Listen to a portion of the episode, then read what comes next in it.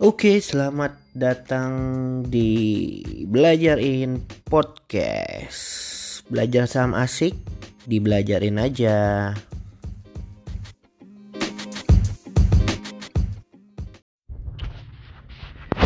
Ya, selamat pagi semua. Balik lagi di Belajarin Podcast.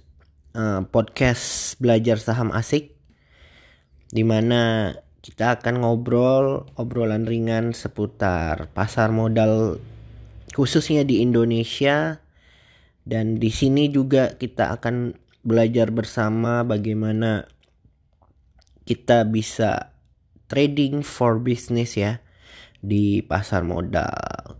Ini episode pertama di Belajarin Podcast kita akan membahas tentang indeks saham kita yang di mana hari ini tanggal 4 Maret ya. 4 Maret 2020 di mana kita tahu bulan Februari adalah bulan-bulan yang cukup kelam saya sebut kelam karena kita lihat penurunan indeks kita ini cukup dalam ya. Uh, dihitung de, sejak tanggal 3 Februari hingga akhir bulan kemarin kita mengalami penurunan yang cukup signifikan di atas 10% dan itu tidak baik teman-teman ya. Karena uh, indeks itu juga jadi satu faktor untuk kita masuk di pasar saham. Nah, berbicara kenapa indeks kita turun, biasanya banyak faktor bisa dari faktor internal atau eksternal. Namun yang jelas apa pun itu kita harus siap yang namanya trading plan ya.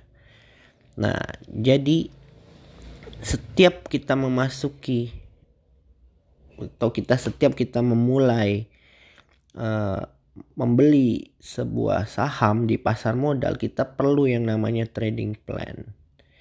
Nah, untuk membuat trading plan juga kita harus melihat indeks kita teman-teman. Ketika indeks kita merah dan merah sih dalam arti indeks kita turun dan tidak baik-baik saja, di saat itulah kita kalem dulu, jangan terburu-buru. Karena rata-rata yang saya temuin sering kali kita terburu-buru. Bahkan saya sendiri juga sering terburu-buru untuk masuk ya. Oke, begitu saja untuk indeks kita. Jika dilihat bulan lalu yang 10% dan uh, bulan ini kita lihat dia sudah mulai ini ya menarik. Oh iya, salah satu penyebab kenapa indeks kita turun itu salah satunya isu global ya corona ini juga penting karena secara tidak langsung memang global apa fear ya banyak ketakutan yang muncul bahkan dari investor.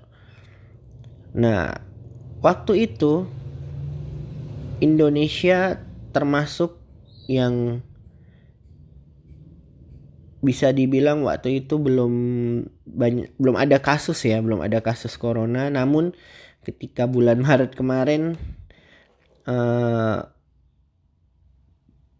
menemukan ya pemerintah kita mengumumkan bahwa ada dua orang yang positif itu pasar langsung ya bisa lihat sendiri ya turun. Nah ini menarik ya teman-teman Corona memang menjadi salah satu faktor eksternal menurut saya. Karena internal internalnya tentu saja Jiwasraya, kasus reksadana itu masih menjadi poin utama ya di tahun ini. Selama uh, asing terus keluar dan market mover terus keluar, indeks kita bakal demandnya tidak banyak ya. Nah, jadi teman-teman harus perhatikan juga. Untuk saat-saat ini apakah penting untuk long term investment? Atau lebih ke swing investment yang beli hari ini tiga hari jual beli hari ini lima hari jual. Nah itu harus dipikirin matang-matang. Makanya itu trading plan penting oleh sebab itu coba kita lihat di IHSG ya. Nah IHSG dalam perdagangan kemarin dia menguat cukup tinggi ya teman-teman. Setelah di tanggal 2 dia dihajar habis-habisan. Iya, kita 1,7 dan dia kemarin rebound cukup tinggi ya teman-teman ya 1,7 ya ini 1,7 uh, ya 1,7 dan kemarin sempat ini ya menutup yang namanya gap ya yang yang dibuat di akhir bulan kemarin ya Apakah ini pertanda dia akan balik arah? Saya tidak bilang dia akan balik arah. Cuman yang saya lihat jika dari secara keseluruhan dia sudah dia masih downtrend ya, masih downtrend dan kemungkinan ini hanya akan memberikan kesempatan exit buat yang belum exit di awal Februari kemarin ya.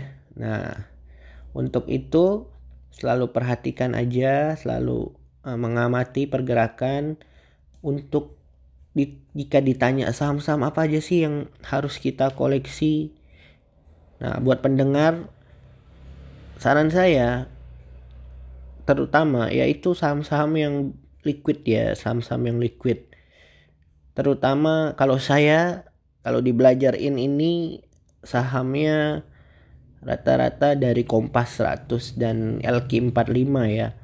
Kenapa kami memilih LQ45 dan Kompas 100 dikarenakan memang itu yang liquid ya. Nah, apakah saham gorengan itu liquid? Ya, memang liquid saham gorengan.